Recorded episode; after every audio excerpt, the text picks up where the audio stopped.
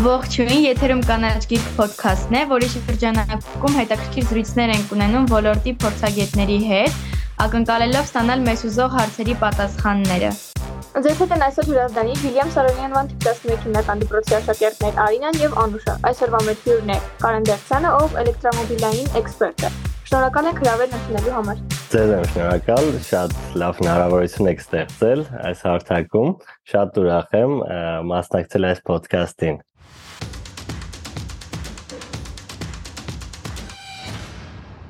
Կխնդրեմ, որ մի քանի բառով ներկայացնեք, թե ինչպես որոշվեց, որ որպես մասնագիտություն ընտրեցիք հենց այս ոլորտը։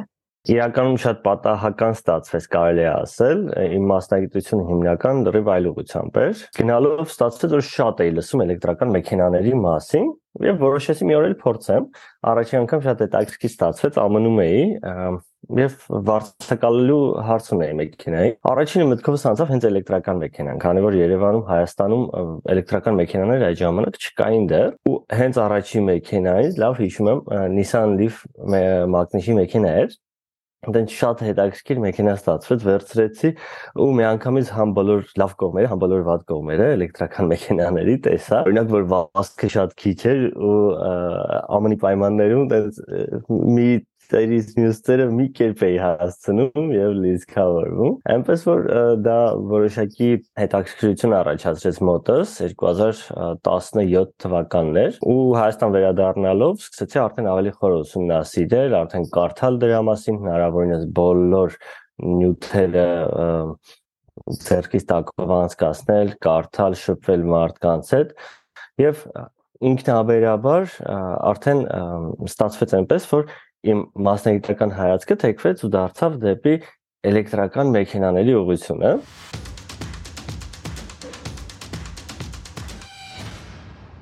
Կխնդրեք ներկայացնել էլեկտրական մեքենաների արդյունավետությունը։ Օ, էլեկտրական մեքենաները շատ հետաքրքիր կառուցվածք ունեցող տեխնիկական միջոցներ են, այսպես ասած։ Իրենք իհարկե ֆիզիկապես նման են սովորական ավտոմեքենաների, բայց իրականում իրենք այտենց կոորդինալ տարբերություններ ունեն, քանի որ ավտոմեքենայի հիմնական բաղկացուցիչ մասերից բացի տեսքից, լույսերից, հետաքրքիր ներքին դիզայնից իրականում տեխնիկական շարժիչային հատվածն է, այսինքն օրինակ մեքենաները ինչպես ենք գնահատում, ասում ենք այսքան ձյաուժ ունի, այսքան արագություն ունի, հզորությունը ամենալավն է։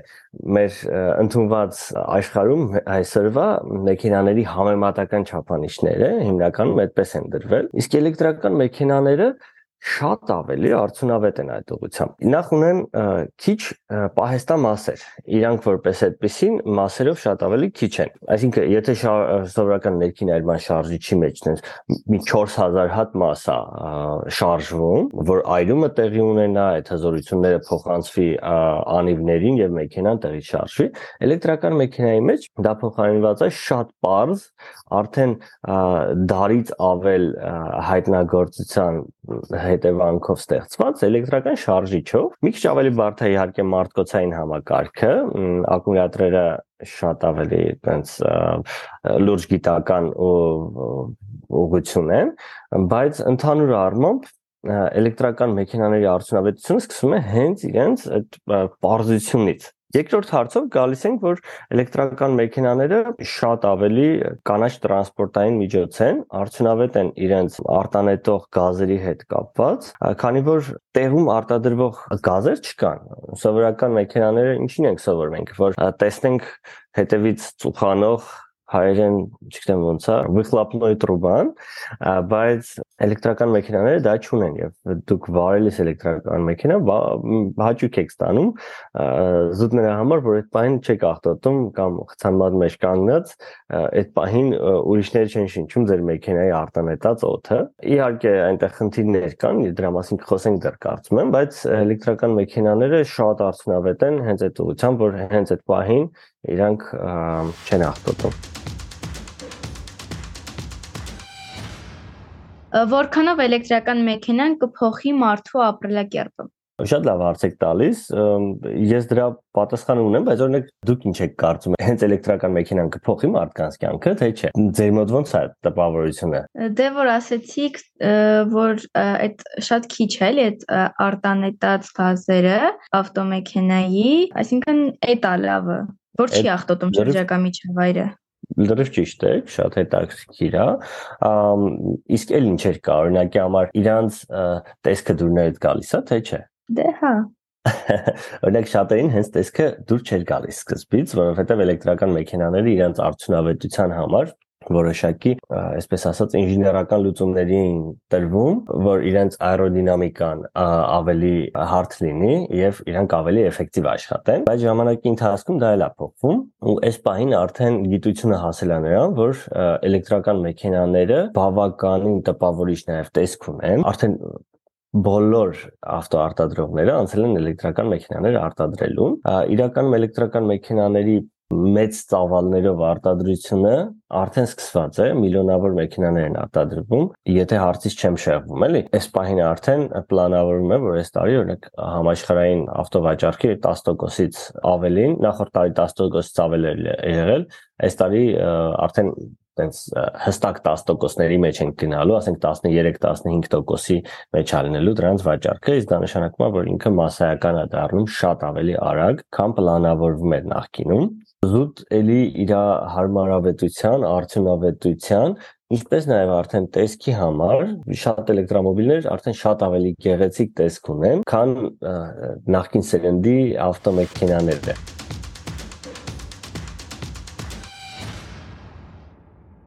Իսկ ըստ ձեզ, երբ ամբողջ աշխարհը ողողված կլինի էլեկտրական մեքենաներով։ Բարդ է իրականում կանխատեսել նման հարց, տարբեր մոտեցումներ կան, տարբեր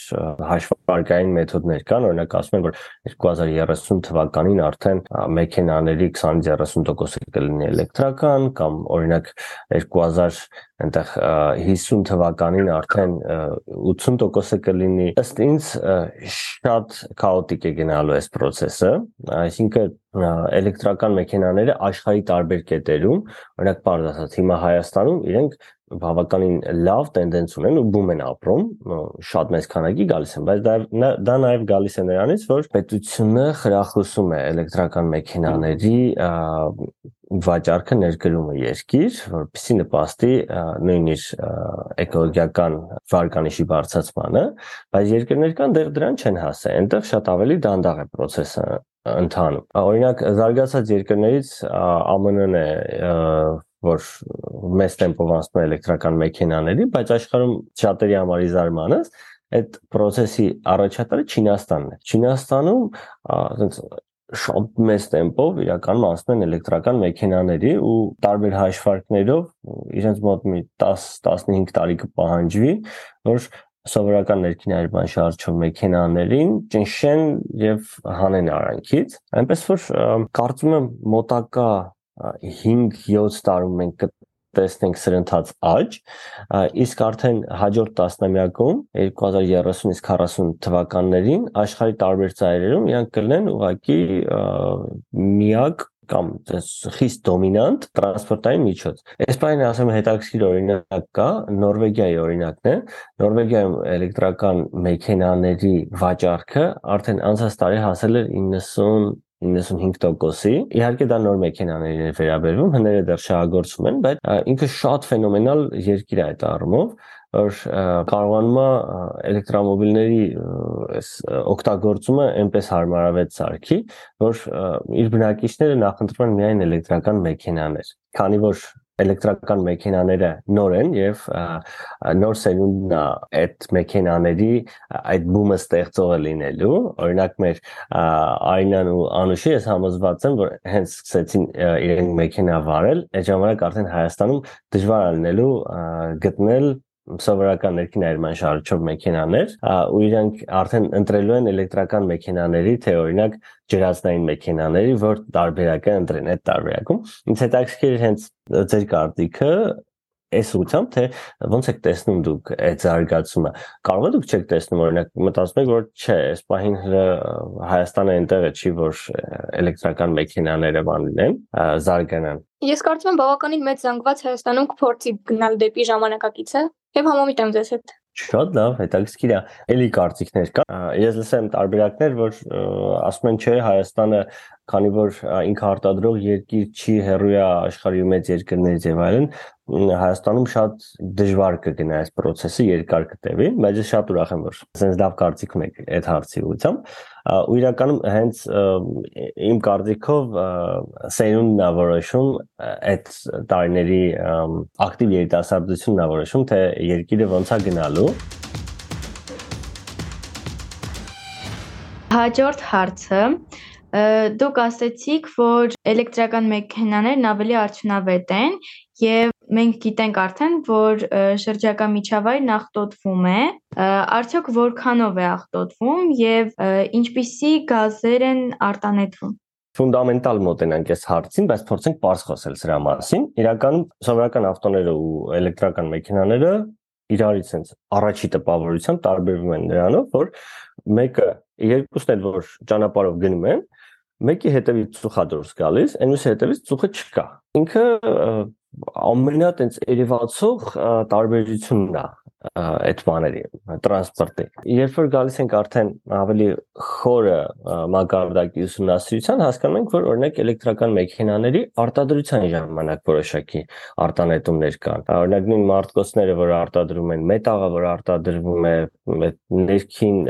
կոմպոնենտները որ արտադրվում են որոշակի արտանետումներ կան այդ ուղղությամբ բայց ելի համեմատում ենք փաստացի մոտ 90%-ը ներքին այլման շարժիչով եւ էլեկտրական մեքենաների գրեթե նույն կոմպոնենտներն են, այսինքն այդ արտանետումները իրար հավասարազոր են։ Այնտեղ գալիս է արդեն շարժիչի արտադրության եւ մարտկորցի արտադրության տարբերությունները։ Շարժիչը ասեմ, որ շատ ավելի հեշտ արտադրվող տեխնիկա է էլեկտրական մեքենաների մոտ, որ արդեն խոսեցինք դրա մասին, որ իր կոմպոնենտները մեջի շատ ավելի քիչ են։ Իսկ երկրորդը մարտկոցը արդեն այդտեղ մի քիչ տեխնոլոգիան բարդ է, քանի որ բարդ քիմիական նյութեր եւ process-ներ են օգտագործում, բայց քանի որ 21-րդ դարում ենք եւ արդեն գիտությունը բավականին զարգացել է, այս պահին մարտկոցների արտադրությունը գնալով շատ ավելի մաքրվում է, այսպես ասած, տարեց տարի ահռելի փոփոխություններ են լինում եւ օրինակ եթե 10 տարի առաջ մարտկոսների արտադրությունում օգտագործում էին մեծամասամբ հանքանյութեր, այսինքն ընդերքից ստացված նյութեր, այս բանը արդեն բավականին շատ են տեխնիկապես ստացված նյութերը, ասենք սիլիկոնային հիմքով եւ այլն, որը նպաստում է նաեւ իրանց ավելի դրական ազդեցությանը շրջակա միջավայրի վրա։ Հենց այդ արտադրության մասը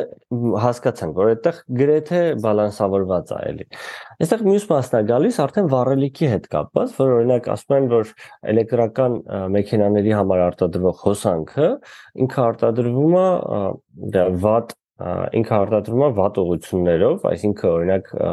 գազ են վառում դրա համար կամ քարածուխ են վառում օրինակ, այդ հոսանքը ստանում են, որ էլեկտրական մեքենան սպառի, էլի կա նմանատիպ ճշմարտություն, բայց քանի որ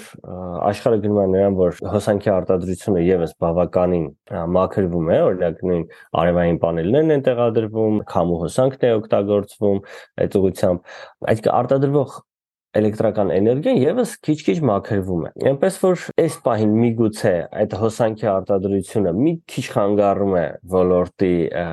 ամենա էկոլոգիական ուղղությանը, բայց ես համոզված եմ, որ շատ արագ, մոտակա երևի էս էլի մինչև 30 թվականը կոորդինալ փոփոխություններ կտեսնենք այս ուղղությամբ։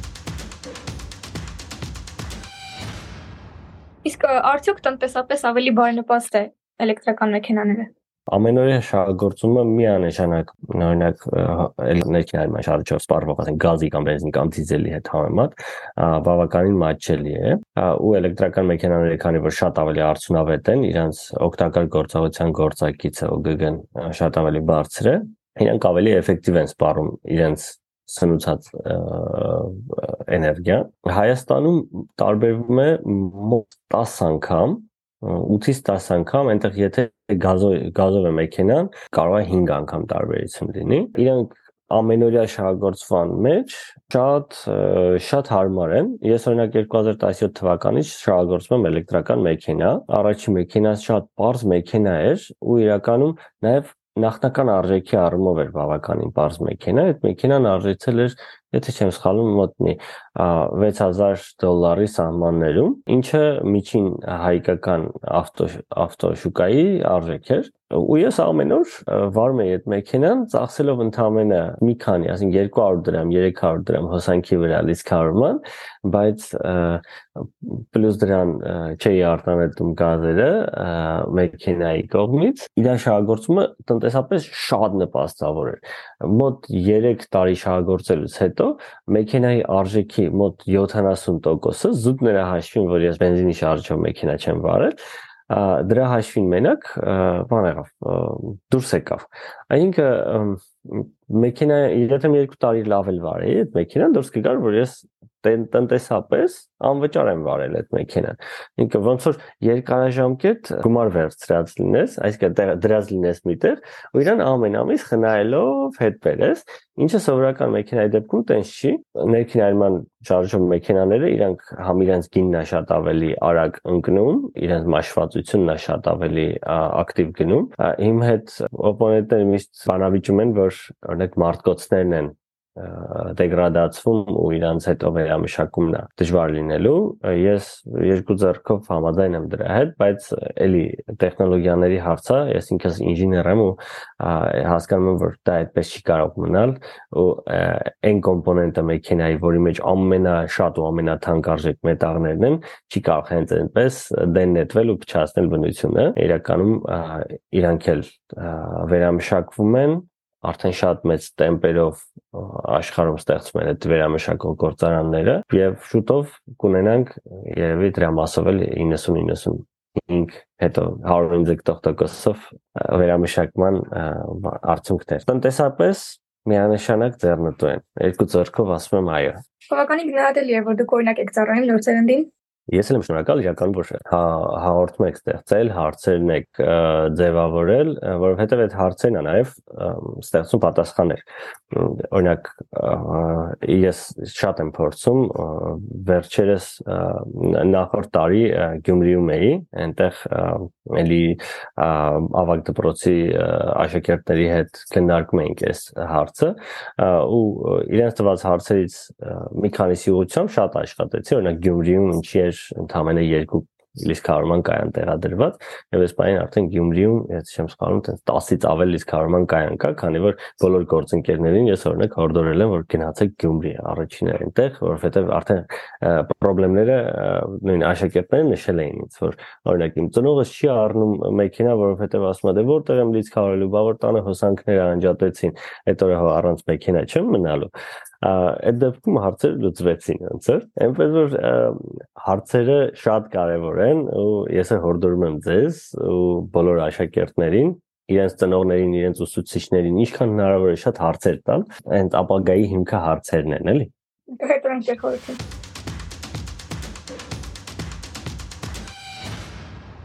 Նորից շնորհակալ ենք հետաքրքիր զրույցի համար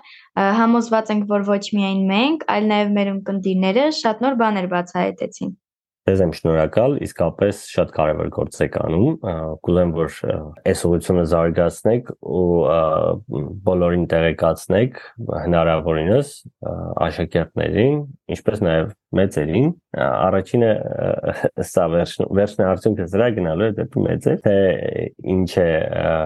կանաչ ուղղվածությունը Հայաստանում ու Ես երկու ձեռքով ձեր կողքին եմ, ցանկացած հարցերի դեպքում ուրախ կլինեմ պատասխանեմ։ Եվս մի անգամ շնորհակալություն։ Դե իսկ մենք հիշեցնենք, որ եթերում կանաչ գիրք ոդքասթն է։ Մենք հասանելի ենք գրեթե բոլոր հարթակներում, այնպես որ բաժանորդագրվեք ոդքասթին նոր հաղորդումները բաց չթողնելու համար։ Իսկ մենք կհանդիպենք շատ շուտով։